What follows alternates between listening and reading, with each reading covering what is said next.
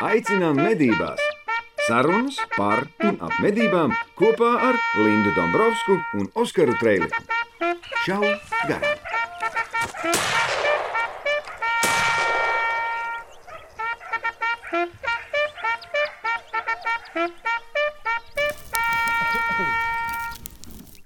Sija ieroči. Lielākais mednieku veikalu tīkls Latvijā. Deviņi veikali dažādās Latvijas pilsētās. Tuvāk tavām mājām. 30 gadu pieredze.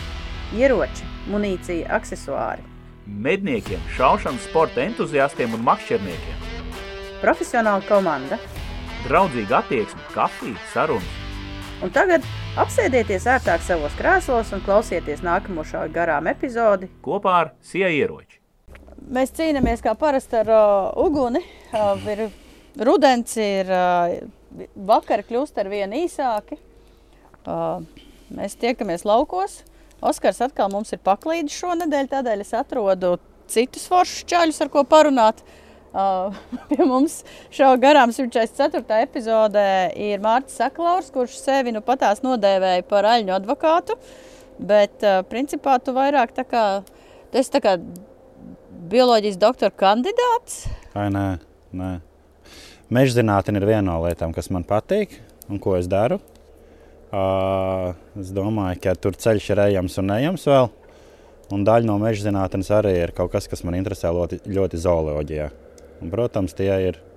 Bet tu esi rakstījis, tu, tu teici, ka tev ir publikācijas. Par ko ir tavas publikācijas? Mans publikācijas zinātnē uh, ir, par ir arī kaut kas par dzīvniekiem, par dzīvnieku pārvietošanos, uh, bet uh, pamatā tie ir uh, upmaļu meži. Uh, ekosistēmas pakalpojumi un tāds stāsts, kas varbūt medniekam nav tik tuvs, bet arī viena no lietām ekosistēmas pakalpojums ir medības, mm -hmm. ko mums mežs sniedz. Arī tam ir kaut kāda vērtība, un, un tas arī jāņem mums apsaimniekot mežu vērā.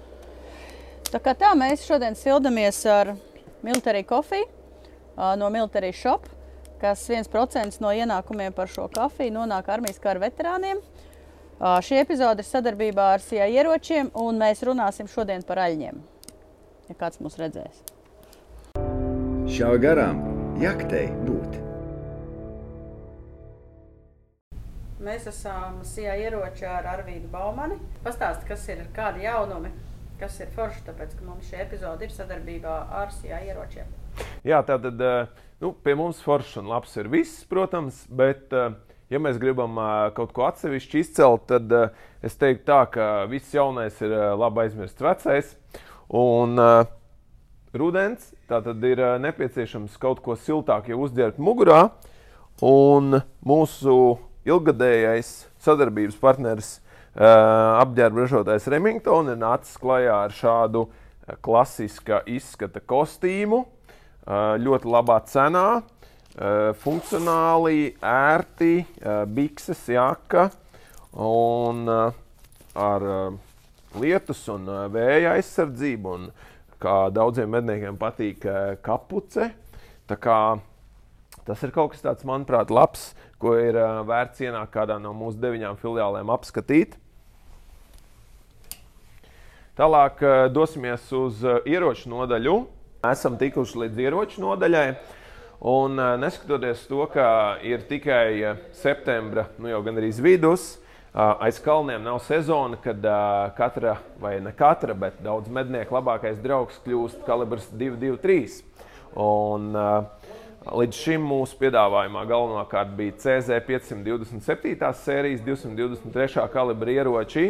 Bet tā kā CZ pāriet uz 600 sēriju, tad šobrīd esam saviem klientiem sarūpējuši 223. kalibrā tika un Browning ieročus tika ar nerosējošā tērauda stobru parastajā medību versijā ar laminātu laidi.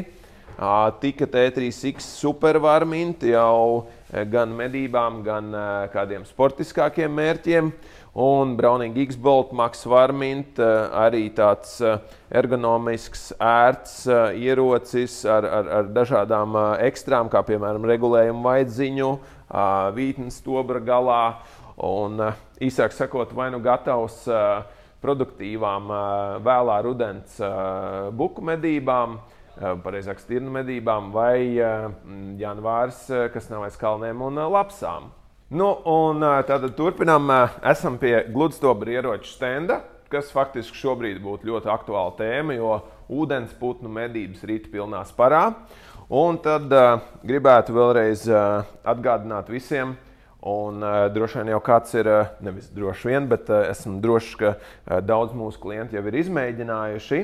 BioAmo, tātad Spānijas ražotājs, kurš uh, ražo uh, savā ziņā unikālu produktu, jo tā ir munīcija, ne, teiksim, konkrētajā gadījumā ne tikai uh, bezsvinā skrotis, bet arī um, čaula ir ražota no materiāla, kas uh, sadalās uh, dabā, uh, dabiskos apstākļos. Uh, tā tad uh, var teikt, ka šī ir uh, pilnīgi zaļa munīcija. Ne tikai skrotis, bet arī pati čaula. Kā, uh, ja neesat vēl pagavuši, nāciet, izmēģiniet. Atsauksmes ir ļoti labas. Nu, atliek jums pašiem pārliecināties. Daudzi no jums iespējams ir redzējuši šādas kastes vai nu veikalā, vai, vai pie sevis mājās, vai pie kādā, kā, kādā formā. Tātad lapoā, čaulas, lodes.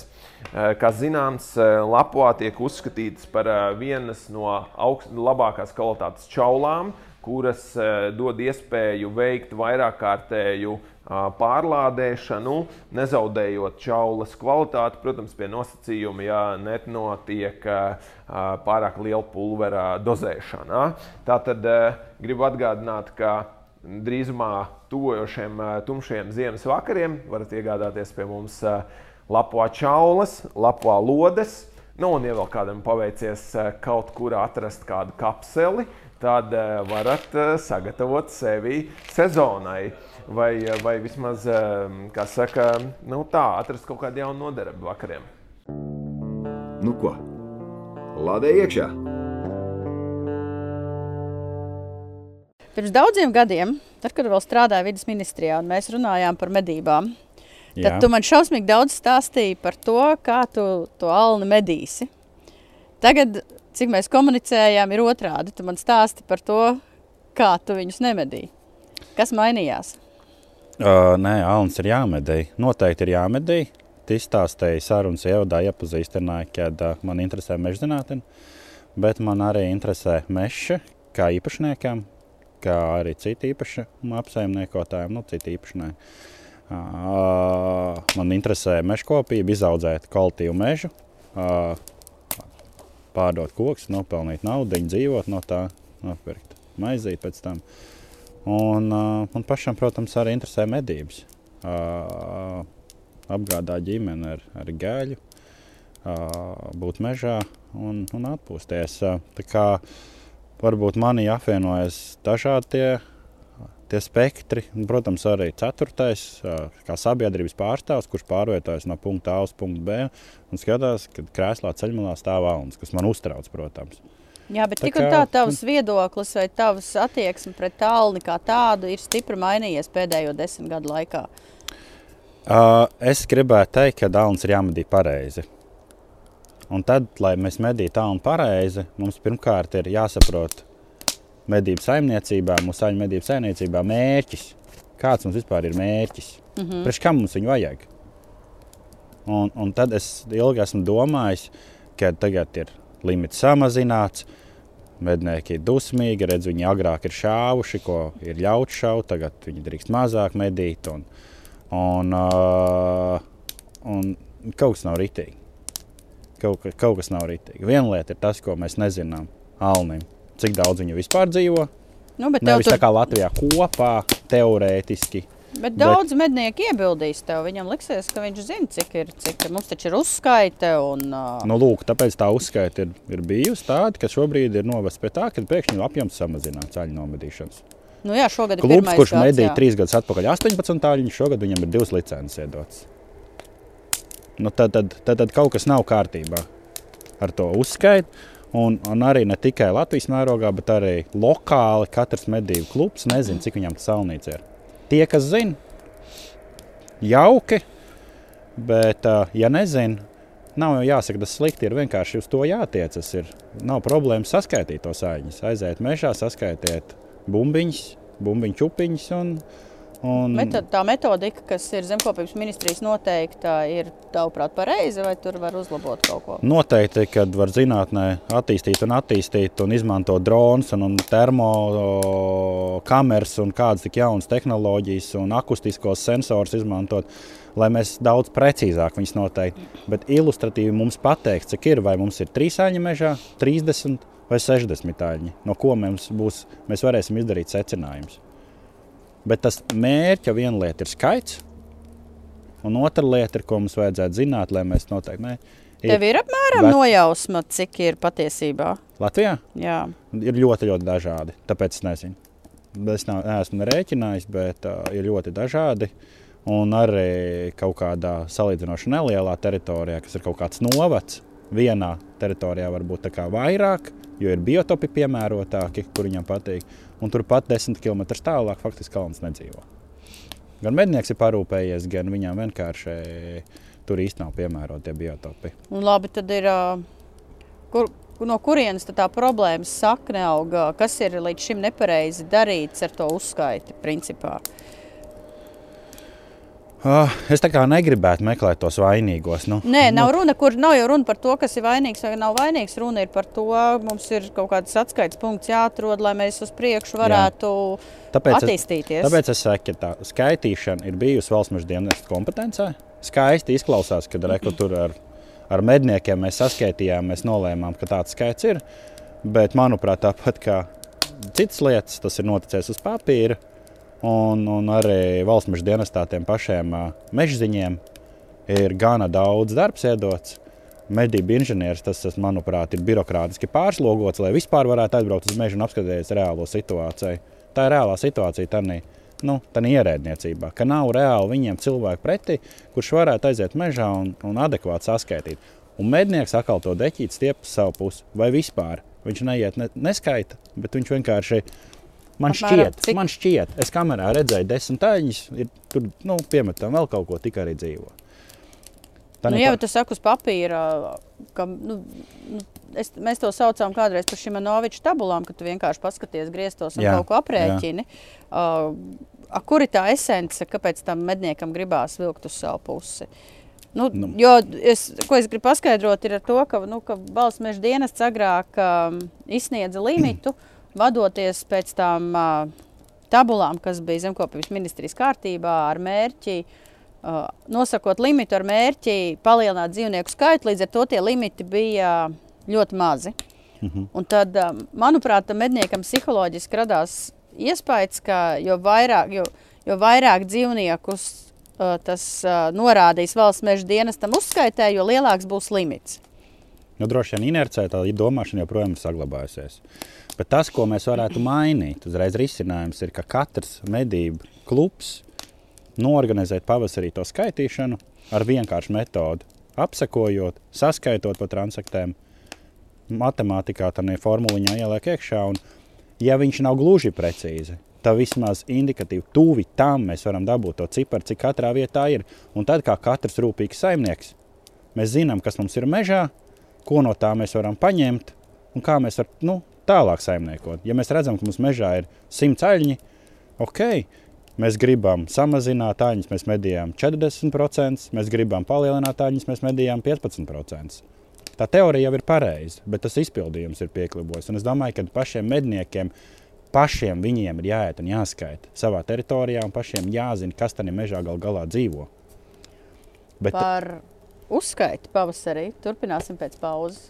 Šā garām jaktei būt. Tu saki, pavasarī ir ā, jāskaita. Varbūt mēs varam uztaisīt ā, tādu tā kā akciju. Pirmā gadā aicināt brīvprātīgos klubus pa visu Latviju, pateikt, uzrakstīt, kas viņiem ir jādara un kaut kādā veidā koordinēti to darīt. Ā, Kad tas būtu jādara un kā tas varētu izskatīties apmēram. Ā, Tur, kur mēs esam to darījuši, tas ir pēc sniega nokušanas, nu, lai mēs redzam visus tos ekskrementus. Ja sniedziņš vēl ir, tad visu var nesaskaitīt.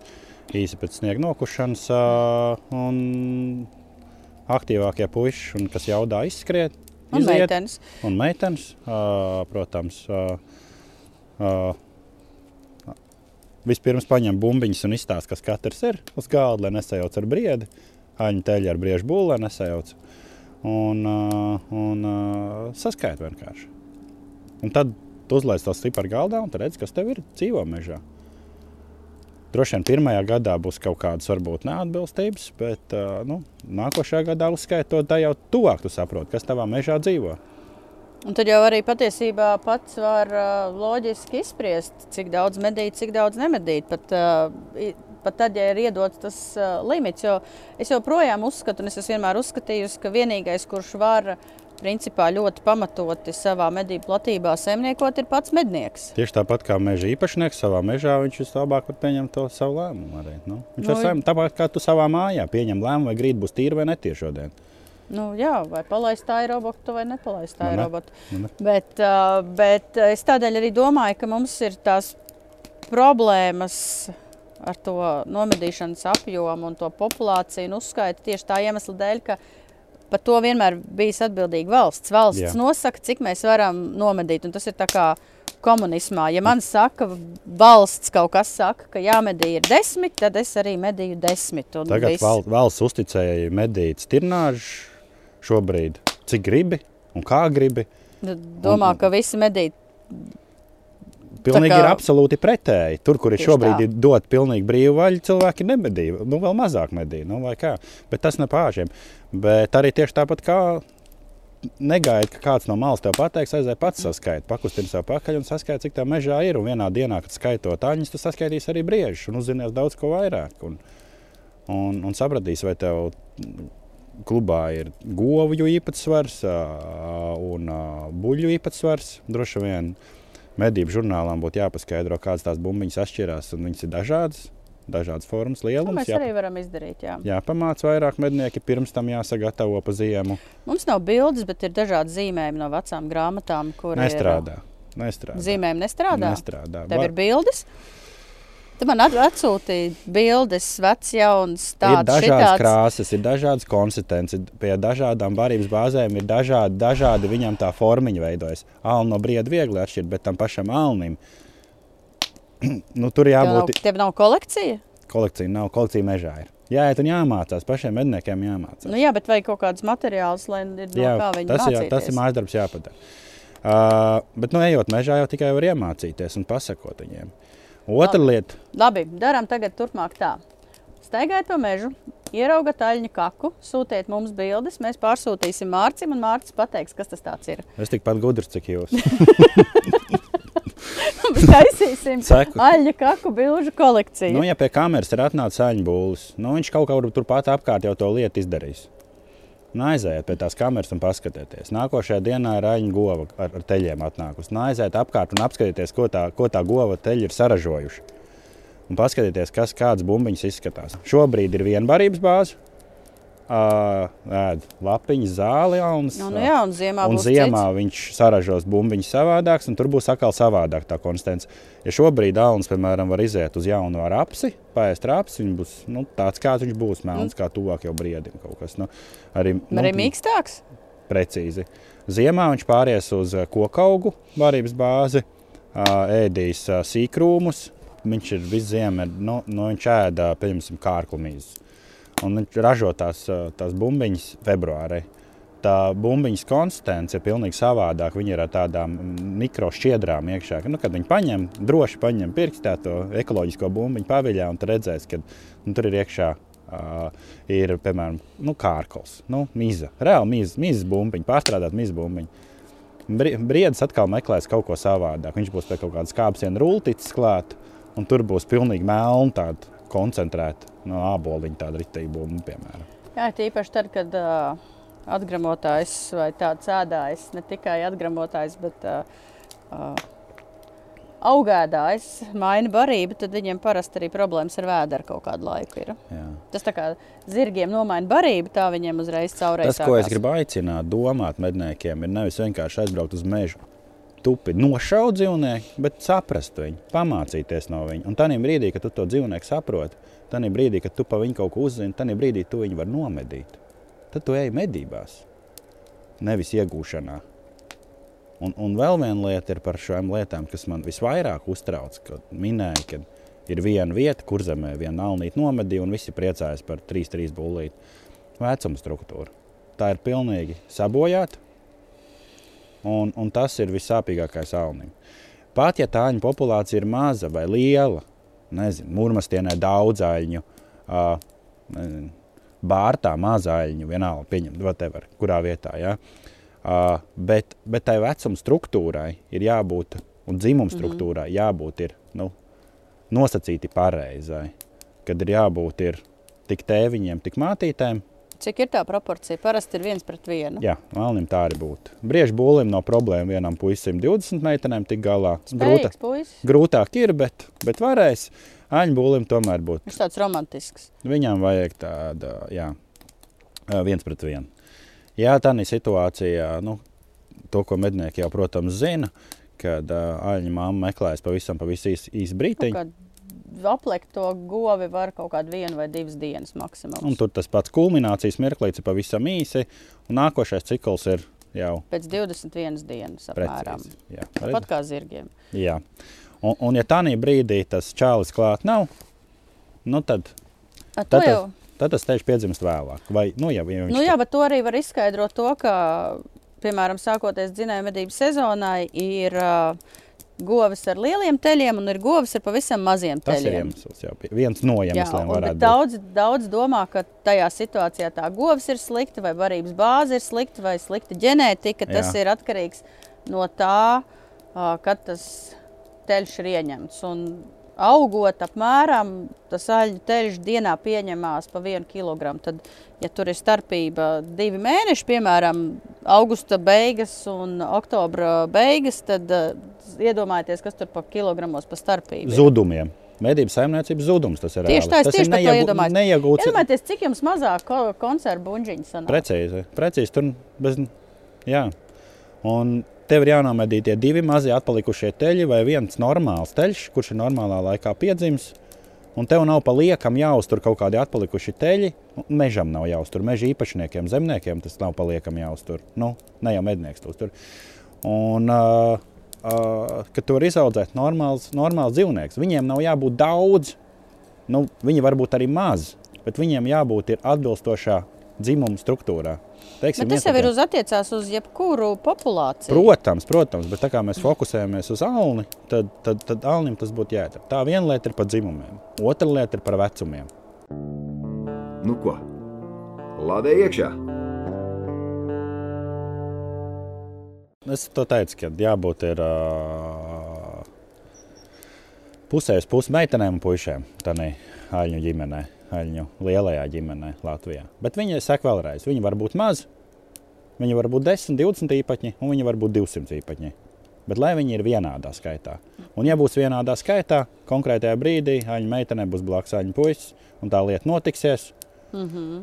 Pārreizējā laikā notiksies tad, kad viņi meklējas šodien, nevis novembrī pēc diviem cikliem, jo viņai džeks nav blakus bijis, jo džeks ir kaut kad jau iepriekšējā sezonā jau rāgi nocirsti kaut kādi puļķīši un iemesti garāžā iekšā, bet kad viņš to lietu ir dzīves izdarījis, un teģis piedzims normālā laikā, un, un, un rudenī medību sezona sākoties, viņš ir konkrēts gaļas blāķis, ko mednieks var izmantot. Jā, bet es atkal, mēs, mēs, mēs Maksas kanālam runājām, kas mums, kurā jūs varat pieslēgties. Mums ir arī šā garā Maksas kanālā. Mēs ar Mārci pirms mirkli runājām par to, ka uh, visi Latvijas, lielākā daļa Latvijas aļņu buļļu ir jauni. Pasaki, ja tas bullis ir jauns, divi, trīs gadi maksimums, uh, vai nav tā, ka arī kaut kādā veidā to ģenētiku ietekmē, jo ja tas jaunais bullis uh, nodod uh, savus gēnus. Es, es nezinu, es tiešām nezinu no gēnu. Tā arī svešas lieta ir, protams, man. Bet, Bet mēs, tu saprati to domu, Es sapratu, gribu es, es saprotu to. Nu, vienkārši, ja 16 gadnieki skraidīs apkārt uh, un taisīs bērnus, tāpēc, ka normāli veču nav, tad, uh, manuprāt, kaut kas ar to cilvēku Ja populāciju arī. bēr, ja bērni taisa bērnus, tad kaut kādā brīdī tas, protams, kaut kādu spēli, kaut kādu joku izspēlēs.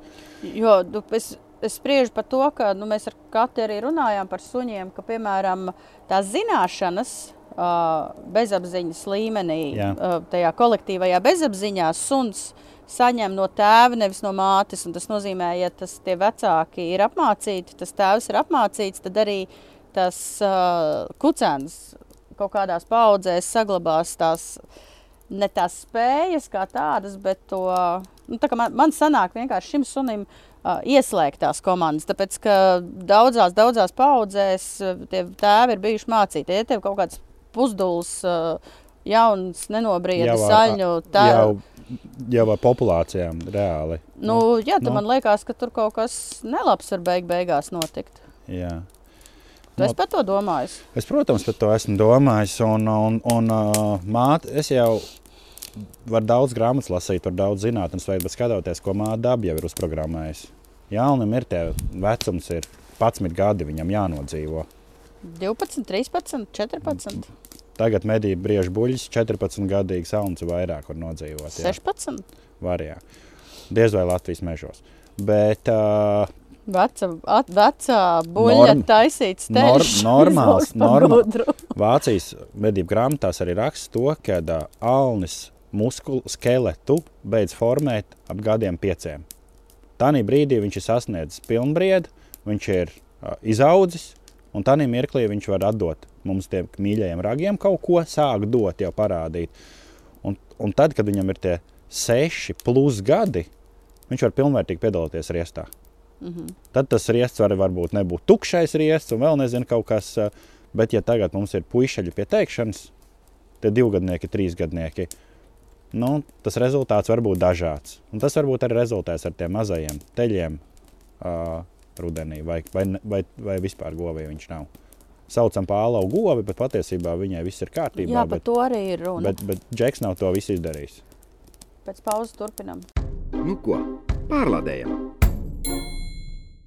Jo mums uh, iepriekšējā, man liekas, jā, augusta žurnāla medības numurā bija bildes ar pirmajiem aļņa ragiem, kas ir nomestie līdz uh, 10, 11 gadu vecumam, kur Zviedrijā uh, tas alns bija dzīvojis aplokā un var redzēt to aļņa attīstību. Un man pārsteidz tas, ka tie pirmie rāgi, ko mums visi sauc par tādiem normāliem motorolleriem, mm -hmm. nu, mhm. tāds uh, neliels, ne, nu, Jā. vispār nekādi pirmie mm -hmm. radziņi, patiesībā beigās izauga par normālām, kārtīgām lāpstām. Un, Un tādēļ, manuprāt, mūsu medniekiem nav izpratnes, kas ir selektīvs alns un kas nav selektīvs alns. Es domāju, ka ne jau tāpēc, ka mednieki, nu, mēs jau paši nezinām.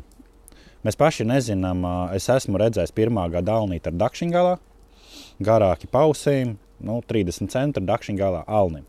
Pirmā gada radziņš. Bet tev zobē. ir vēl jāmāk atšķirt, ka tas ir pirmā raga, gada radziņš. Jā. Uh, Tādā pašā laikā pieminēja to Zviedrijas gadījumu, kur ir 10-15 centimetrīgs puķītis un izmaugs smukla lāpstiņa. Esmu skatījies arī gan Zviedrijā, gan arī Baltkrievijā, kad apkārt klenderē nu, tādi auzgarumi bulēni Un, un beigās populācijā ir ļoti skaisti lāpstveidi vai, vai apaļraģi buļļi, bet viņiem ir 8, 9 gadi ar platām lāpstām vai skaisti izvērstam ragi. Tad, tad viņš var izaugt. Bet šeit ir limitējošais faktors. Nerunāt par selekciju, nu, selekciju, selektīvām medībām, bet runāt par to, ka viņam ļaut nodzīvot. Tagad sanāk tā, ka mēs tos alnīšus noklopējam līdz 4 gadu vecumam, atsevišķi ekstrēmi ir, ko mēs nu, neņemam vērā, kas var nodzīvot bišķi ilgāk. Un tad, iz, tad, tad izstādē kaut kādi 5, 6 ir, kas bišķiņi virs bronzas ir. Nu, jā, jo es, es, jo man arī tev runājot tagad, tāda doma rodās par to, ka tie aļņi mums ir tādi necili Latvijā, nevis tādēļ, ka tur nav potenciāls, bet vienkārši tādēļ, ka neļauj izaugt. Precīzi, precīzi. Un te ir tā otra lieta. Dzimuma struktūra un vecuma struktūra to, kurš ir mācījies meža fakultātē, nogurs meža tehnikumā, tas, tā, tas ir mācīts. Un, un, un, un, un medniecībā tā ir viena no pamatlietām. Šīs lietas ievērot. Un, un tas ir katram medniekam, līdz katram medniekam jānonāk. Kad, ja ir džeki un meitenes, tad starp džekiem ir jābūt gan jaunēkļiem, gan vidēja vecuma, gan arī tiem vecākiem dzīvniekiem. Tas nav tikai grāmatā rakstīts, tam jābūt dabā. Mm -hmm. Tā ideālajam variantam. Nu, tur tā jābūt tai dzimuma vecuma struktūrai, ir tā kā eglīte, Jā, kur tas... pašā jābūt ir visur, ir tā eglīte. Viņi, viņi, var, viņi var staigāt, viņi var būt dažādi, viņi var tur kopēt kaut kādu priedīt vai vienalga ko, bet uz to ir jātiecas, uz to ideālo. Un tad populācijā ir vecāki dzīvnieki, kuri dod mums gan labs pēcnācējs, gan fantastisks trofejs vēlāk. Arī. Jā, mēs šodien runājam ar Mārtu Saklauru, kurš sev dēvē par aļņu advokātu. 5 minūtes atpakaļ Jā, izdomājām. 5 minūtes atpakaļ izdomāju. Bet uh, pēc pauzes turpinām. Šāva garām jaktei būt. Uh, mums Latvijā vienmēr bijis uzskats uh, ne tikai attiecībā uz aļņiem, ka govs nemedī, un ja mēs taupām govis, tad viss būs čikiniekā. Bet man liekas, ka tur ir kaut kas bišķiņ nepareizs tajā domāšanā, jo kas būtu šobrīd jāmaina tajā medību taktikā, lai mēs kaut kādā ilgākā termiņā, īsākā vai ilgākā termiņā nonāktu pie tās Pavisam, ideālā pavisam varianta. vienkārši. Medijiem daudz vai maz, tam pat nav būtiski. Tas tikai populācijas, bet medijām vienādi. Abas divas vienādi medijām. Tad sanāk līdzīgi tā kā uz stirnām. Es vienmēr saku, ja nomedīja āzi, tad ir jānomedī kaza un kazlēns. Bingo! Pavisam vienkārši. Varbūt vispār vajadzētu vienu sezonu kā aļņu buļļus. Vispār nemedīt. Nu, tā kā Nē, vispār Tā nemedīt. nebūtu pareizi. Tas nebūtu, tas nebūtu Nu, pareizi. tāpēc, ka nu, tagad, ja tā struktūra ir izjaukta, tad mēs mēģinātu kaut kā Mēs- līdzsvarot. Mums, mums jau šķiet, ka viņi ir nepareizi. Jo tie pierādījumi, kas ir bijuši, mums jau to datu nav. Tā kā viens no, viens no rekubī medību žurnālā rakstījis, kad ir, kad ir jānorāda pārskatā, ir jauns vidē vecumā vecs dzīvnieks.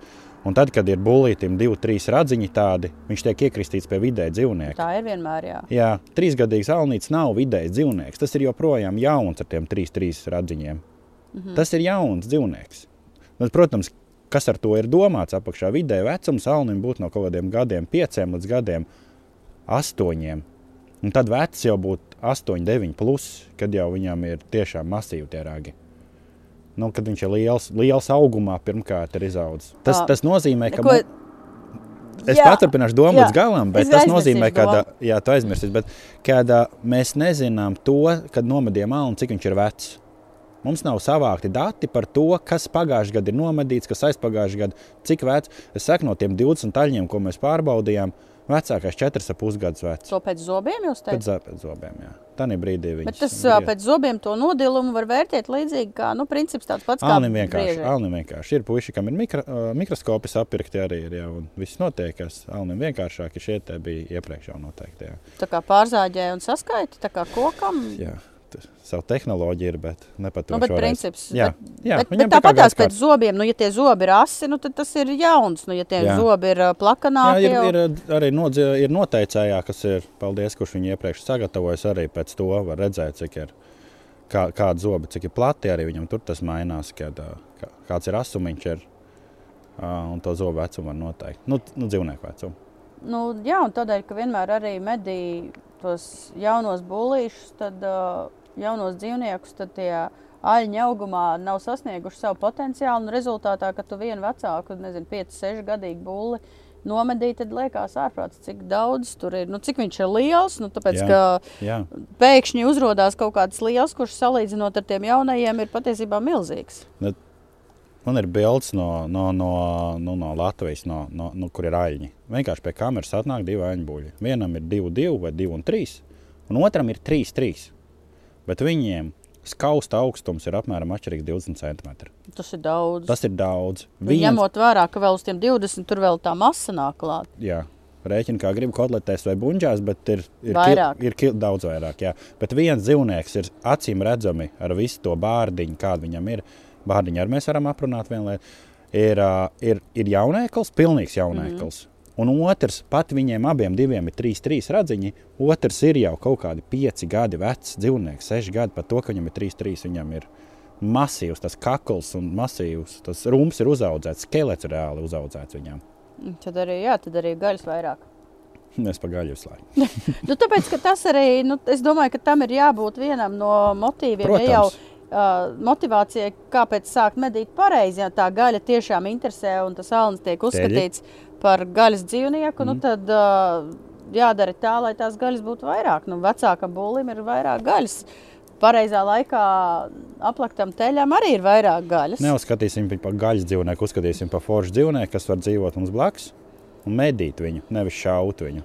Es tev pilnīgi piekrītu. Vienkārši mums ir tāds izveidojies Jā. Latvijā viedoklis par aļņiem. Un vēl viens ir stāsts par to, ka nu, mēs jau te nevaram tos aļņus pie sevis nosargāt, tāpēc, ka tas alnis daudz staigā Jā. un, un, Bingo. un tādēļ tas aizvezāsies pie kaimiņiem un kaimiņi to nošaus un tā tālāk. Un beidzās ar to, ka man vienmēr gribās teikt, nu, nē, es tāds kā kaimiņš. Nu. Te ir, te ir lūk, mums Latvijā ir viena vecāka zinātne, kas Gausnāts par kā ir taisīta. Tas ir iepriekšējā gadsimtā jau, kur marķēja dzīvnieks. Ā, Jā, ir viens īpatnis pie Botnijas līča ā, nomedīts. Somi puikas nomedījuši, ir kaut kādi īpaņi, vairs neatceros, ir viens vai divi ir Igaunijā nomedīti. Pamat Mazgaujas Nacionālā parkā tika nomedīti. Tad ir 20-30 km aplī, pamat masa tikai nomedīta tur. Tas tāds viens eksperiments ir bijis. Fantastisks piemērs, nekas cits mums nav šobrīd. Uh, diezgan daudz man sanāca būt Skandināvijā, Somijā, Zviedrijā, Norvēģijā, kur puiši no helikopteriem uh, šauj ar aņus. Konkrēti zina, uh, Džeks, kas 900 gabals ir nomarķējuši viņi. Uh, ir milzīga datu kopa. Uh, mm -hmm. Medību žurnālā jūs nopublicējat to saitīt. Nu, viņi varbūt droši vien jāieliek, lai labāk iekopētu. Viņi tur nav.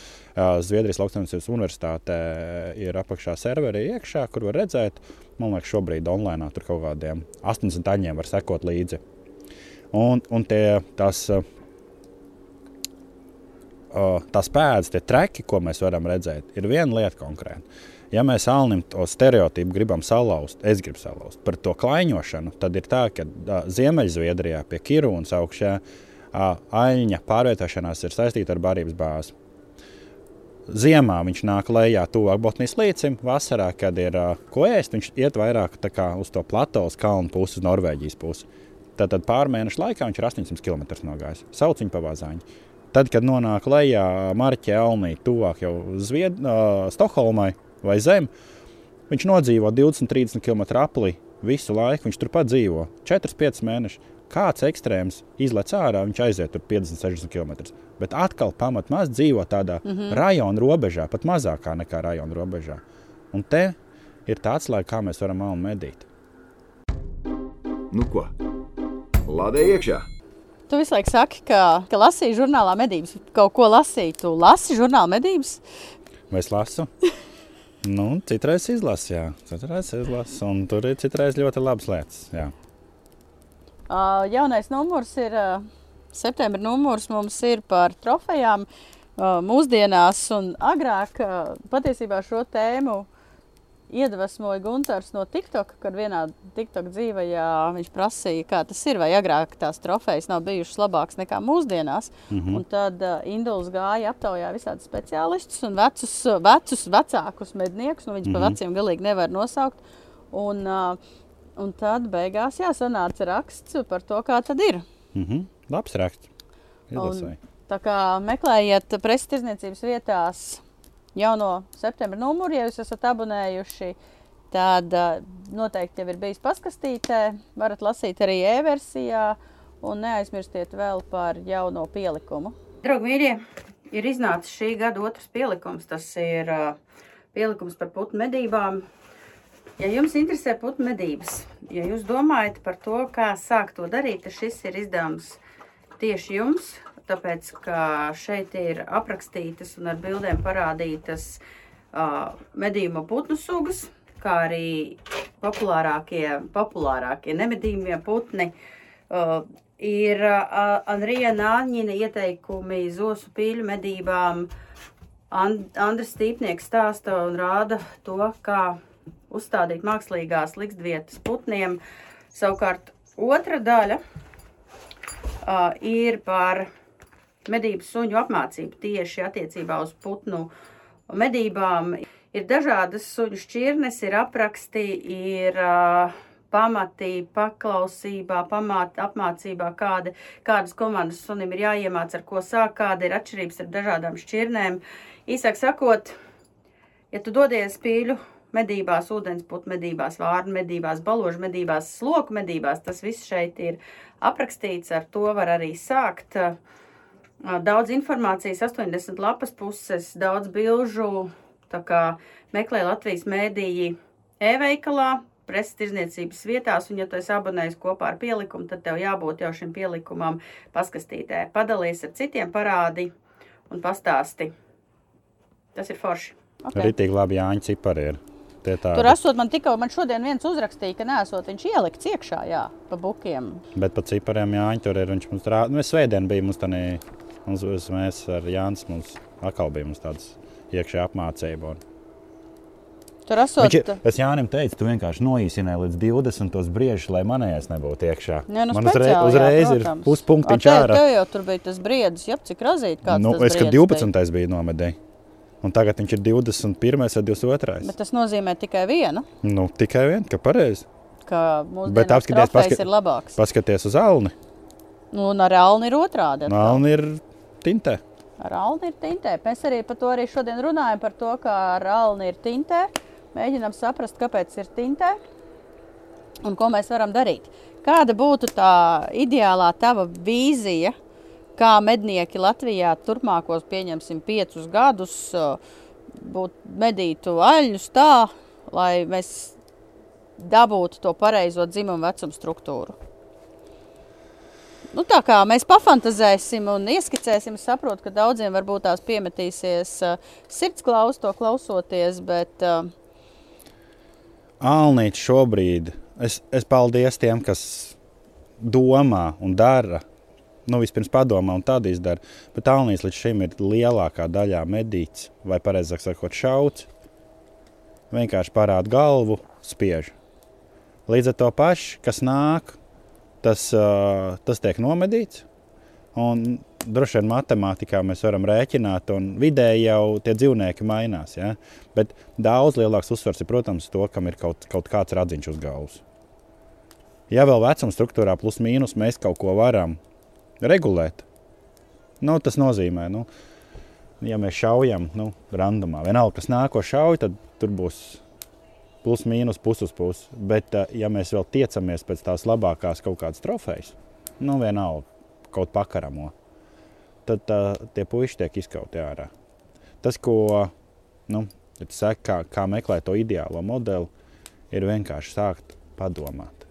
Noskaidrot, kas ir tavā mežā, un pavērot savu mežu. To var darīt kaut caur kamerām, sēžot Rīgā oficiālā. Saliec, paskaties, papēti, parādi bildes pārējiem medniekiem. Neskries viņi no pakaļ un viss nenokaus, tāpēc, ka pie tavas salas laizītavas raunīts atnācis. Alnīts arī nav tik tupšs, ka viņš tur gaidīs. Bet uh, salieciet tās pa gadiem, uh, pa gadu kopā tās bildes. Un tad izdomājiet, ko jūs medīsiet. Un, un, un tādā konkrētajā vietā var dzīvot viens, divi, trīs aļņi. Nezinu, kuldīgā, Ventspēlī, piemēram, un ir viena licence. Un tad no tiem trim izdomājiet, kur jūs nomedīsiet. Var to izdarīt. Ir vietas Latvijā, kur var izdarīt. Ir kameras, ir rācijas, ir tik daudz tehniski gadgeti, kas var palīdzēt norganizēt un palīdzēt to, nu, to īsto dzīvnieku nomedīt. Nevis vienkārši, kurš pirmais nāk un kaimiņam netiks, es nomedīšu. Vienkārši padomāt un izmantot tos tehniskos risinājumus, kas mums ir. Tas būtu tāds ideālais. Un tu man jautāji iepriekš, vai gribētu gadu aizliegt buļbuļs medīt. Nē, šī iemesla dēļ, jo, ja mēs medījām pareizi buļbuļs, vismaz tiecamies pareizi. Kļūdas būs un tā tālāk, bet ja mēs tiecamies un mums ir tā apziņa, ko mēs gribam sasniegt to rezultātu, tad kāpēc ne? Es pats esmu tūkstošiem bildes studējis, kad es redzu, ir 2-2 un 2-2 valnītes. Un es nevaru saprast, man šķiet, ka tas nav viens tas pats, lai gan rāgi gan arī ideāli. Auss gali 2 cm vienam alnim nav. Tikai pēc auss galiem. Un arī pēc bārdas. Katram tā bārda ir savādāka. Un pat ja ragi ir dažādi, tā viena lieta ir dažādi, un tu nevari saprast, vecs vai jauns, tad paskaties, vai tā šlipst karājas. Ja tā šlipst karājas, tas ir jaunēklis. Ja tā šlipst, ja jau ir tā bārdiņa noformējusies tāda garāka, un kamerās to ļoti labi redz, tad jau viņam ir 4 plus. Protams, redz, man bārda nav. Oskaram ir, vai ne? Mums Oskaram arī atšķirās. arī nav arī nav. Jā, mums, kādā, jā, mums arī atšķirās. Nav jau viss vienādi. Nav jau pēc grāmatas viss skaisti, Alnim arī. Bet uh, tad pašā tumsā vai ar kaut kādu, nezinu, termotēmekļiem vai ko skatās, medījot cūks, redz kalnītes. iet. Pēc tās bārdas jau arī var pateikt. vai tas ir jauns, vecs, pamācies no tā dzīvnieka. Kaut ko izpēt. Jā, mums bija pielikums pārnaģi, kas ir uh, izbeidzies un kļuvis par bibliotekāru retumu, bet tur bija es pētīju grāmatas un apkopoju arī bildes no dažādiem avotiem, ka tam jaunajam tā bārda tiešām ir tāda tieva un gara. gara. Tāda ķeska. Nu, un tad, jo tas vecāks salnis paliek, jo tā bārda paliek uh, blīvāka, lielāka, rasnāka. Garāk viņa un paliek garāk, īsāk. un viņa tā, nu, tā kā, tieši tā īsāk, viņa tā kā piepildās. Jā, un tad jā. līdz ar to beidzās ar to, ka tas kakls viņam izskatās īsāks. Jo viņam vienkārši te viss ir Jā, viņš- pilns. Viņš vienkārši izstāsta, ka galva sajauc kopā, galva savu kopā ar kaklu. Nu, Jā, tā kā tādā jā, jā. vienā veidā. Un, un es esmu dzirdējis medniekus, kas saka, tam tas jau vecs, tam gār, bārda karājās. Nē, tas ir pilnīgi otrādi. Ja karājās bārda tāda garāka, tad, tad tas ir jauns. Un ar govīm ir pati- pa- patiesībā līdzīgi. Govīm arī ir bārdiņas. Nelielāks, Bet, mazāks, bet bet ir. ir. Bet ir jā. Un arī tad, kad to, to roti nevar saprast, kas uz tās galvas ir, viņš tur krūmos, pēc tās bārniņas var pateikt, tur govī 5, 6 cm, nu tāds maziņš pīpuciņš. Un tam pašam jaunieklim var karāties pat 30 cm. Jā, jā, jā viņš tāds milzīgs. Tāds. jā, jā. Uzreiz var pateikt, tas ir. Tā kā vienmēr par briežiem, daudz stāst par briežiem, vai tur Jānis vai Mārcis mācīs visus mūsu medniekus, kā uzvesties ar- briedi. Tad Dālim tieši tāpat skaties, kā viņš izskatās. Nu, nenokauj to divgadīgi, trīsgadīgi. Nu, piemēram, Somijas mednieki ir vienojušies, ka viņi tos 2, 2, 3, 3 vai 4, 4 alnīti nemedīs. Es, tas būtu veids, bet tas nebūtu pareizi, jo ir arī 3, 3 alnītes, kas nav tik superīgs. Ir. Un Jā. viņam ir pat 5, 6 gadi, ko, manuprāt, no populācijas ir jāizņem ārā. Nu, jā, jo tad beigās beigsies ar to, ka gaidīs, ka tas 3-3 izaug pa 9-9, bet viņš pat tādu nekad jā, bet tad- neizaugs, bet nomedīs kaut kādu 7-7, kurš patiesībā ir labāks nekā tas 3-3. Jo ir, ir, ir tas, ka uh, populācijā joprojām ir ļoti laba ģenētika. Nav tik laba kā Zviedrijā, kur 3. un 4. gados jau var būt bronzas medaļa. Bet, jā, bet tas ir tā doma, tad sanāk tā, ka patiesībā, tāpēc, ka Zviedrijā varbūt medijas saprātīgāk, tur tās trofejas arī ir lielākas, vai kā? Vai mēs vienkārši neesam savu potenciālu attīstījuši? Mēs, ne, nu, mēs esam viņu apkāvuši. Mēs esam 30 gadus karu pret aļņiem izvērsuši, izšaujot tos vidē, neļaujot izaugt līdz vidēji vecumam, to malnim. Un tas rezultāts ir, mēs jau nezinām, kas ir mūsu populā, pot, populācijas potenciālais. Mm -hmm. nu, to, to mēs nezinām nemaz. Atsevišķi īpaņi, kas izaug, bet tas ir tikai Nejauši. Nu, nejauši, absolūti nejauši. Jo izvairījās tepat- no lodēm. tieši precīzi, un tepat pāri robežai, nu, Daugopils otrā pusē, kur ir uh, uh, kaimiņu vadītājiem medību iecirknis. Un Tur redzam, ka tie aļņi ir. Viņi ir skaisti, lieli aļņi.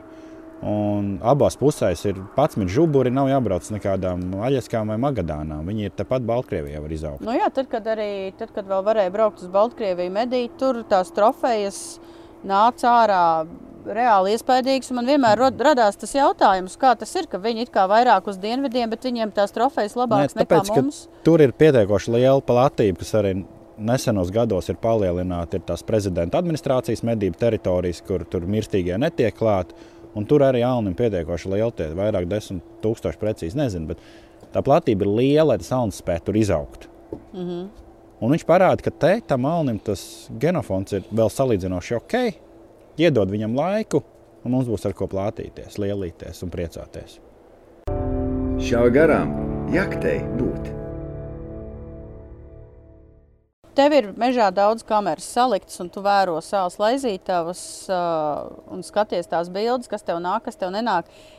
Tev ir izdevies gadu no gada novērot vienu un to pašu alni, kā tas izaug, vai viņi tev visu laiku mainās, vai tev atnāk tie paši vai kaut kādi citi. Kā tas notiek, kādi ir tev novērojumi?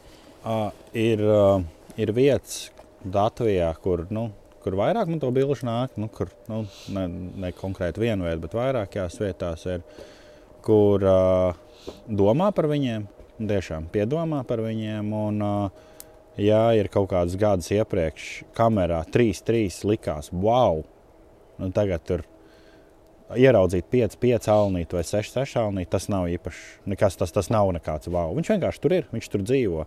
Un tas parāda to, ka viņš vienkārši ir izaudzis. Un, ja viņš pagājušajā gadā bija 4, 4, viņš atnāk šogad jau ir kaut kāds 5, 5 vai 5, 6 vai, vai 4, 5. Tas iedēvs viņam vienu gadu plusā izaugt. Bet tu viņus atšķiri? Nu, tā kā tu saproti, ka tā- tas 4, 4 pagājušā gada bildēs ir šogad 5, 5. Tas ir tas pats. Tu vari pateikt, vai Redzi, ne? redzi, nevar pateikt, tik viegli jau nav. Tā krotālī. mainās, bet tas, ko es teicu, au, au, ja ir auз gali apsaluši vai kādu iemeslu dēļ viņi ir tur pazuduši, tad, tad tas alans ir tik zīmīgs, ka viņi var pēc tā ģīma pateikt. Bet tā tik vienkārši nevar pateikt. Tie ragi tomēr ir. Ir tie paši, ir, ap, ir tie paši apaļraģi. Ir, ir vieta teritorija, kur ir atrasts ā, pieci žuburiņš, viens otrs tievs. Pēc diviem, trim gadiem viņš parādās kamerā, tas pats 5, 6 žuburi, mm. -hmm. bet tas diametrs ir jau pilnīgi absolūti cits. Tas ir skaidrs, ka nu, tas varētu būt tas pats īpatns vai vismaz brālēns. Bet viņam ir iedots laiks, lai viņš to masu uzaudzētu tam ragam. Ko tu vēl esi secinājis, skatoties tajās bildēs? Man viņa patīk. Man viņa patīk. Kāpēc viņi tev patīk? Nu, Viņš ir tāds piemīlīgs dzīvnieks. Viņš, protams, viņš ir bīstams satiksmē, bet uh, bīstams priež jaunaudzēm. Uh, lauksaimniecībā tik lielu postu viņš vēl neizdara. Nu, tur A, Ko darīt ar tiem meža postījumiem? meža postījumiem uh, droši vien, uh, ja mēs nerunājam par stāvbriedu un, un stirnas, mēs noliekam malā, bet mēs runājam tikai par alni, tad ir tā, ka mums nedaudz jāmaina arī mežkopības praksa. Uh, Norvēģijā redzēju, kur meitene strādā pie disertācijas, uh, liekot lielā bluķī iekšā priežu galotnīcu dažādos leņķos un analizējot apkodumus. Latvijā arī ir apkodumi pētīti, analizēti, bet kas pa lietu ir? Viņiem ir mazāk barības bāze, tur nav apses tik daudz, nav kārkli tik daudz. Viņiem ir būtiski, kā viņi var izaudzēt to priedu, iežogot vai ļaut viņai augt un, un cīnīties. To, ko viņi nonākuši pie secinājuma, ka viņi kopjot valdaudzi, kopjot, piemēram, divmetrīgu priedu, daļu no priedēm nozāģē uz pusēm. Paliek priede, respektīvi, nevis tā kā mēs smuki nokopjam visu priedīti, bet paliek tāda nu, ar aizlauzt galotni. Viņi vairs nav konkurence tiem mērķu kokiem, bet viņi veido barības galdus. Hmm. Un tad, kad Alans atnāk, viņš ir, ej, klausies, te man ir ko paēst. Bet tajā brīdī, kad cītīgā meža īpašniece Linda ir visu to mežu izlaizījusi, atstājis divus ozoliņus, varbūt kur viņam rāgus parīvēties. Ozolu vajag atstāt, lai viņam parīvēties, ir, kur viņš ir numur viens, to darīs pie ozoliņa.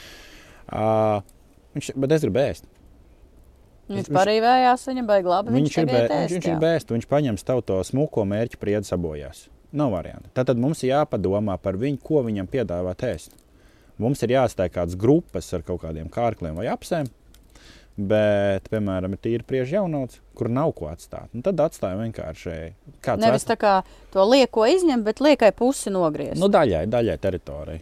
Un tajā brīdī hmm. viņi veidojas tāds, tāds dīvains veidojums, kā galdiņš, kur viņam atnāk. Tos, tos, jo, jo izveidojas kaut kāds 5, 6 galotnes, un viņš jau var ēst. Vienkārši tās galotnes viņam ir ok. To To, to, to, to Norvēģi nonāks pie šīs atziņas. ar tos meža saimniekiem Latvijas es šīs idejas stāstījis, kāda, Prot- ir, kāda ir atsaucība. Protams, protams. Vai tu to, to uzskati par kaut kādu neīstenotu Man- kosmosu? Nē, nav tas neīstenams. Ir, protams, kaut kāda inerce arī šīs lietās, un, un ir mežziņa, kas pēc tam pieņem tavu jaunaudzi, vai tur ir Eiropas projekts, vai kas. Viņš saka, hei, klausies, tā nevar būt, un tur ir konkurenti un tā tālāk. Nu, tā ir tā diskusija. Vēl. Cilvēkiem ir līdzi arī jāizaug. Ir kaut kādas, nu, tās nav tādas vienas dienas Nu, bet tas sanāk, ka meža Bet- saimniekiem un medniekiem tā, tā, tas ceļš ir līdzīgs Jā, ejams. jā, jā, jāstrādā un, un, un tikai ar tādiem labajiem piemēriem, rādot labos piemērus praksē, ka var gan to alnu izaudzēt, gan to prietu pat blakus izaudzēt. Un, uh, sadzīvojot, mēs varam tikt pie labiem rezultātiem. Viegli nav. Tas prasa nedaudz lielākas izmaksas, iespējams, arī. Tā kā tā. Bet nav jau tā, ka visās Latvijas vietās ir slikti. Ir jau arī kaut kādi labie piemēri attiecībā uz aļņu populācijām. Ir, protams, uh, ir vietas, kur alnītim ir, uh, uh, viņš ir drošāk, kur ir mazāk cilvēku dzīvo, kur ir lielāki biotopi. Nu, teiksim, piemēram, kaut kādi Lubāns apkārtnes meži, kur, kur, ir, uh, kur ir pārplūstoši klājumi daudz, kur ir liela barības bāze. Un, uh, tur viņam ir drošāk, vai kaut kādi, nezinu, ziemeļpurvi Latvijas ziemeļdaļā, vai kur, kur gar tiem purviem viņš var drošāk dzīvot, un tur viņam ir iespējas izaugt. Protams, tajā brīdī, ja viņš izkāpa ārā 10 km no tās teritorijas, kur ir mazi medību iecirkņi, uh, kur ir spieži, kas pirmais nāk, nu, tad Alnim ir viss. Āmen, tas baznīca. ir, tā kā es vairāk novēroju, kuri ir tie, kas cenšas saimniekot, apmedīt pareizi. Ka, kas ir tas noteicošais faktors, ja tu esi secinājis? Attieksme. Nu, jā. Attieksme. Tā ir. No tā. kurienes radās tā attieksme? Uh, droši vien no audzināšanas. bet, droši vien no audzināšanas, bet var cilvēks pats sevi audzināt. Tad, kad viņš aizbrauc uz mežu, viņš tur nav galvenais, viņš ir atnācis citu mājām. Un viņam vispirms jāzina, kas tajā mājās tanīs atrodas. Un, ja viņam ir, viņš saprot, ka tur ir nu, tas, tas dzīvo un tā, un tā, tad mēs kaut ko varam paņemt. Alns ir jāmedī, ar viņu ir jāsaimnieko, jo mums lauksaimniekiem, mežsaimniekiem tas ir nepieciešams. Satiksmes intensitāte arī ir daudz. Tā kā, un gal galā mednieks arī grib savu prieciņu gūt. Un, un tā, tā kā, nu, bet viņam ir jā, jā, jābūt gudram gudrākam ar vien vairāk jātiecas. Nu, tas jau arī viss tas. Tā mūsdienu gaita, sākot domāt par ilgspējīgām medībām, par bioloģisko daudzveidību un vispārējais ir. Es tikko biju Itālijā uz vienu Svarovskiju pasākumu, mm. kur tā galvenā doma bija tāda, ka medniekiem ir jāmainās. Un, piemēram, Itālijā viņiem ir baigās problēmas, jo ir ļoti daudz veco mednieku, kas grib medīt tā, kā viņi medīja pirms 30, 40, Precīzi. 50 gadiem. Precīzi. Viņu bērni medībās vairs neiet, un līdz ar to principā var nonākt tāda situācija, ka tad ir valstis, kur vienkārši medības kā dzīvesveids izbeidzās, jo uh, tā vecā paudze nav radījusi tādus apstākļus, lai jaunajiem tas šķistu interesanti. Mm -hmm. nu, ir vilinājumi šī paudzē, protams, vis, visādi datori un tā tālāk. Bet ir vēl viens būtisks apsvērums, ir tas, ka uh, noteikti mums medniekiem, lai jaunu izaudzētu, ir jārunā. Un tāpēc es, mēs nevaram palikt pie tā mazā medību iecirkņa, vai tas būtu 2000 vai 7000. Mums jārunā plašākā mērogā. Mēs savos 4000 varam izaudzēt stāvbriedu. Nu, ok, viņš tur uz robežas kaimiņā aizies, ar kaimiņiem vienojamies, mēs viņu izaudzēsim. Bet alnam tā nevar. Alnam jābūt daudz lielākai platībai. Tiem ir jābūt 100 tūkstoši hektāriem kādam rajonam vai novadam, kur visi mednieki pasaka, Mēs negribam medīt tā. À, tu tādā kontekstā domā, jo, piemēram, Zviedrijā viņiem ne visas medību platības ir milzīgas. Ir arī tādi kaut kādi 20 hektāru īpašumi, kur, ja viņš tur grib medīt alni, viņš uzraksta baļņu apsaimniekošanas plānu, Jā. ko apstiprina un sanāk tā, ka uh, savos 20 hektāros vienu reizi, trijos vai piecos Aļņu gados viņš var nomedīt. Viņš var nomedīt aļņu teļu. Jā, jā. Un es domāju, ka tādā veidā arī mēs varētu runāt par tiem mazākajiem iecirkņiem. Uh, jo, nu, ja tev ir tas tūkstots, kas ir minimums, tad tev ir tas tūkstots, bet sastādot uh, šādu apsaimniekošanas plānu, ir iespējas arī, piemēram, reizi trīs gados to kaut kādu alni, piemēram, pēc es tikai saku, alni nomedīt.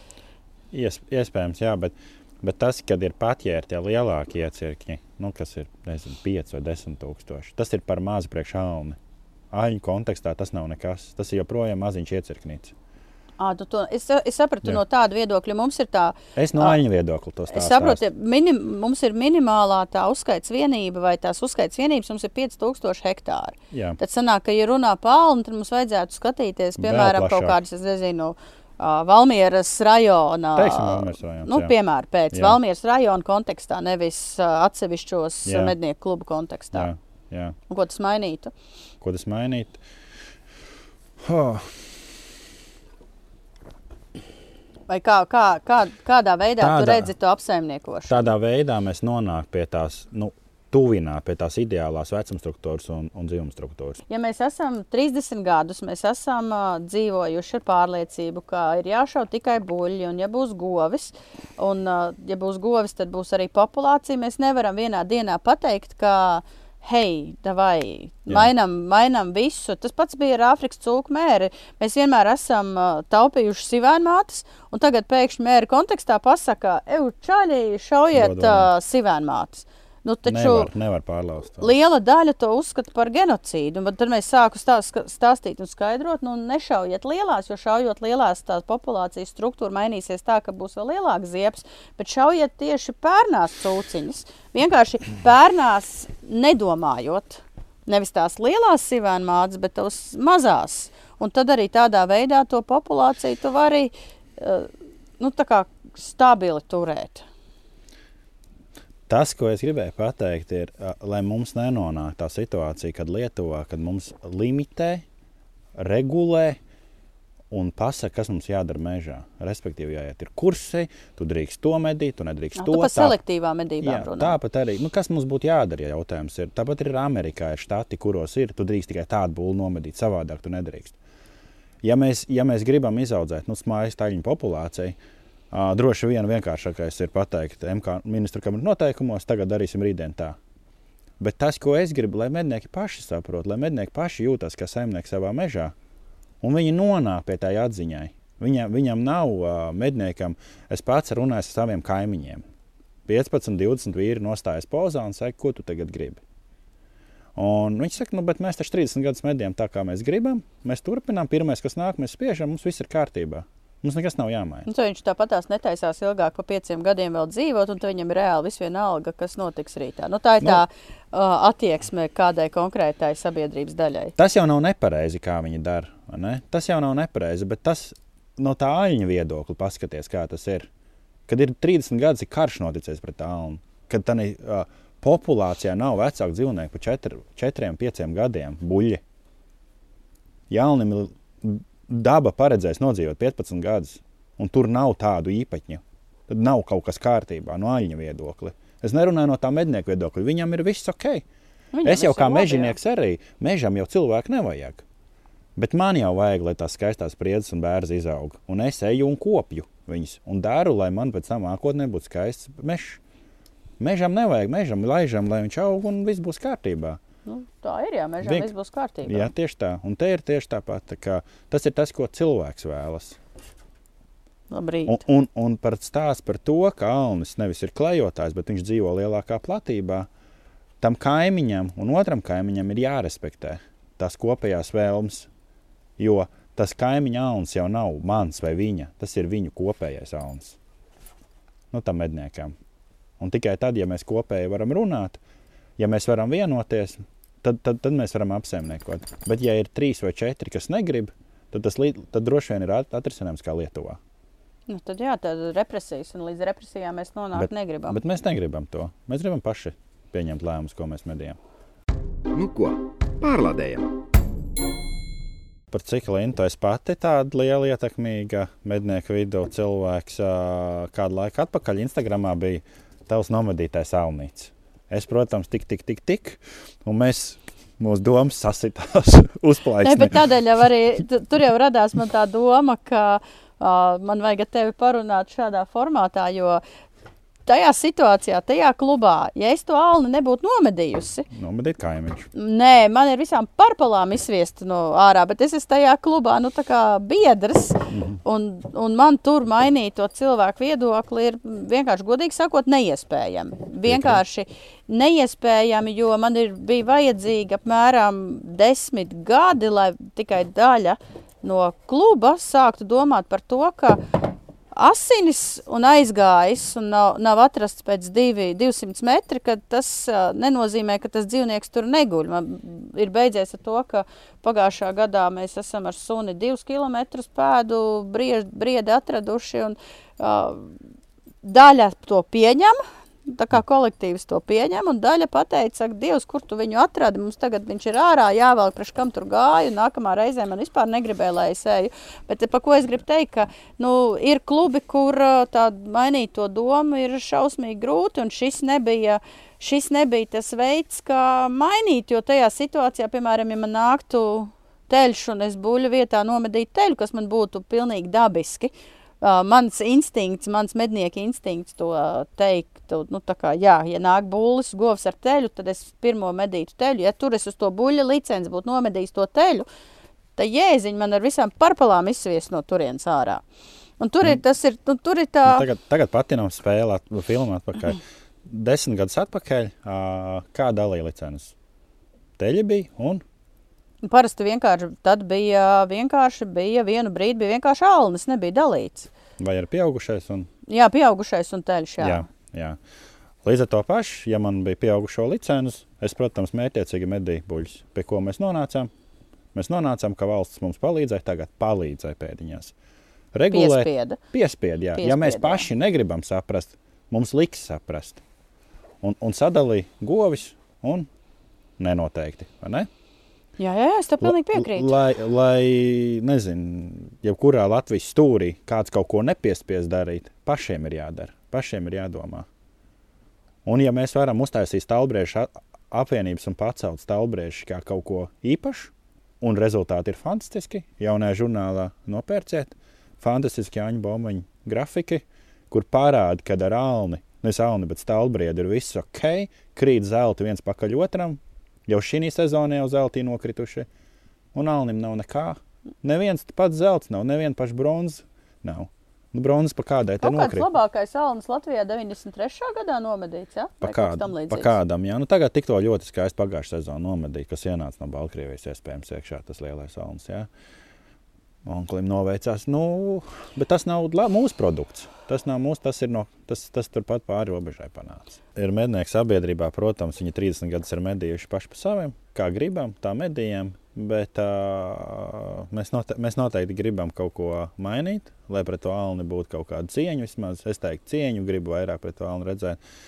Uh, ir vietas, kā tu saki, ir vietas, kur ir pilnīgi neinteresē. Tas absolūti nav, tā nav prioritāte. Uh, ir tā, ka uh, dabā ir slieksnis, ir, uh, ir jāsasniedz kaut kāda kritiskā masa, lai kaut kas notiktos. Ir, ir no dažādiem aspektiem. Ir jābūt kaut kādam biotopu daudzumam, lai konkrētā suga dzīvot, vai, vai, arī, vai arī kaut kas tāds. Līdzīgi arī ir mednieku sabiedrībā. Kad ir jāsasniedz kaut kāda starp medniekiem kritiskā masa, kas domā līdzīgi, kad mēs varam ar alni jauki apsaimniekot. Arī -hmm. var būt tā ideja par kaut kādu mazāku iecirkni, kurš var tikt pie tā aļņa, vai ne?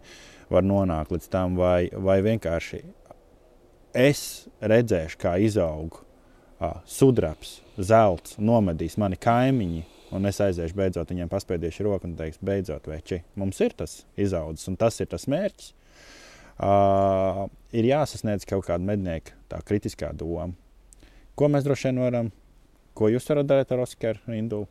Strādāt jauniem medniekiem. Ko mēs ienāk arī darām, jo mums, Malači. mums klausās liela daļa, ļoti liela Malači. daļa jauno mednieku. Tie, kas klausās, super. Ā, Kas vēl ir daļā cepurnos tiem, kas sāk mūs klausīties, esot nemednieki un tapu par medniekiem, iedvesmojoties no mūsu sarunām, kas man liekas vienkārši totālākais Mhm. kosmos. super. Uh, bet, uh, jā, un tādēļ jau mēs stāstām un runājam, un tādēļ nesatraucies, ka mēs mazliet padiskutējām Instagramā, tāpēc, ka es vienmēr uzskatu, ka no jebkuras diskusijas rodās attīstība un rodās jaunas idejas, kuras tu, principā, citādā veidā nemazām nebūtu iedomājies. Linda ieliek kalnīt, teikšu, kā bija stāsts. Linda ieliek kalnīt, 3-3 radziņi vai Mhm. kādi bija. 3-3 Jauns, ļoti- jauns bullīts, Un, jā. un, un Linda lepojas ar šo alnīti, šo trofeju. es lepojos? Bet viņi ielika iekšā. Tad, tad viņi gribēja zināt, lai sabiedrība zina. Un Tagad ja... bija smuka bilde, godīgi sakot. Bija smuka. Tu man, tu man, tu man tagad piesieni emocijas, kuras tu pats jūti. Bet es, dab, es dabūju pa kaklu uzreiz, kad es pateicu, ko, ko tu dari. Un tā brīdī, ja Linda būtu ielikusi to trīsgadīgu, četrgadīgu briežbūlīti, ka viņa ir nomadījusi un būtu smuga bilde, tā mednieka sabiedrība tev mest ar pagalēm. Jā, Visa mednieka sabiedrība, liela daļa tev mest ar pagalēm, teikt, Linda, ko tu dari? Bet tad, kad ielēja kalnī, iekšā vienīgais Tikai uzklabināja vienīgais Mārcis. uzklabināja- Mārcis. Viņš teica, ko tu dari? Ko, ko tu dari? Laikam tad bet, bet ko es arī uzskatu, ka uh, nevajag baidīties kļūdīties, jo savādāk Protams. pretējā gadījumā mēs nonākam pie situācijas, ka mednieks patiesībā ir iedzīts tādās bailēs, ka vispār baidās spiest sprūdu mēlīt. Protams. Nevis tāpēc, ka saprot, ka nevajadzētu, bet vienkārši tāpēc, ka baidās. tas, tas, ko es gribēju tev pateikt, tu kļūdījies, jo tu nezināji, ka tu esi kļūdījies. Es Bet pārfrazēšu, es nekļūdījos, es zināju, ko es daru. nu, viss kārtībā. Jā, jā. Bet, zin, bet izaugt līdz tādam brīdim, ka tu vari stāvēt uz masta, tev atnāk 5-5 alnītes priekšā, dzinējumedībās. Klausās, viņš kur ir dzinēji, kur ir suņi. Man Viņš nav stāv- problēma to izdarīt. Viņš stāv gorās priekšā. Tu pat plinti nenoņem no pleca, jo viņš stāv 20 metrus no tevis. Jā, jo man otrā plecā parasti ir, man ir fotokamera, protams. Un turpat tālāk Ops nomedīja tādu te mazo jau bulānu. labāk, lai viņš to mazo medī. Viņš tā arī nomedīja. Un, un visi atnāk, un, un viss ir kārtībā. Ir kotlets, Ops ir priecīgs, visi ir priecīgi. Un tas piecgadni, tas nes 5-5 būlīts, kam bija kādi 4 gadi. Viņām vēl viens gads lēms priekšā ir. Un- un un- iespēja rudenī uztaisīt kaut ko sev līdzīgu. Jā, jā. Nu, bet tas ir normāli. Nu, kāpēc ne? Nu, Mm. vienkārši ir, ir dažādi kolektīvi un dažādas attieksmes. Un, uh, galvenais jau ir uh, kontrolēt to savu svina nesaturēšanu. Nevis raidīt, raidīt šāvienu, tāpēc ka tev vienkārši ir un tu nesaproti, bet uh, pieņemt lēmumu un raidīt to šāvienu, saprotot, ko tu dari. jā. Jebkurā citā vietā es to būlu nebūtu šāvis. Mm. Bet nu, tā tas ir. Jā. Pēdējais jautājums. Ko tev nozīmē medības? Dzīvesveids tas ir. Tu esi vairāk tā kā mednieks vai mežonieks? Kas tu esi? Vai tu esi tā kā tāds Es vienkārši dzīvoju mežā, kur viena no manas uh, ne ikdienas, bet uh, nedēļas nu, pienākumiem, darbiem, lietām, ko es daru, ir aizbraukt uz mežu ar vai bez plintas. Tieši tāpat kā aiziet pie ledus, ka paņemt pienu paku, padzerties. Tikpat vienkārši. Tā ir dzīve. Viss. uz šīs burvīgās nots? Mēs arī beidzam 144. epizodi. Šī epizode sadarbībā ar uh, SIA ieroči. Uh, novēlējums tavs? Šaut garām un pareizo attieksmi. Un es vēl piebildīšu, nemēslojam mežā, nemēslojam nekur. Un, ja mēs redzam, ka kāds to dara, tad uh, aizrādām un savācam savus sūdus. Uh, tieši tāpatās kā tieši darām to, ko Induls rādīja. Un lasām žurnālu medības. Uh, mums ir TikTok, svētdienas vakaros ir dzīvais, uh, mums ir maksas kanāls YouTube, skatieties informāciju medībām.lv. Mums ir vairāk nekā 2800 dažādu rakstu par dažādām tēmām. Man vakar viens sēdēja medībās, viens uzrakstā Messengerī, ka vajagot uh, parunāt par bebriem un trihinelozi, jo esot tāds medniekiem mīts, vai mēs nevarotu šos tēmas uh, kā pacelt. Mums ir gan podkāsts par šo tēmu, gan arī raksti ar visām ā, atsaucēm uz visiem pētījumiem. Tā kā meklējiet visu, kas jums inter interesē medībām.lv, lasiet žurnālu medības, drīz sāksies abonēšanas kampaņā, un tad jums būs reāli jāsaņemās. Šām garām un jaktē būt. Tā.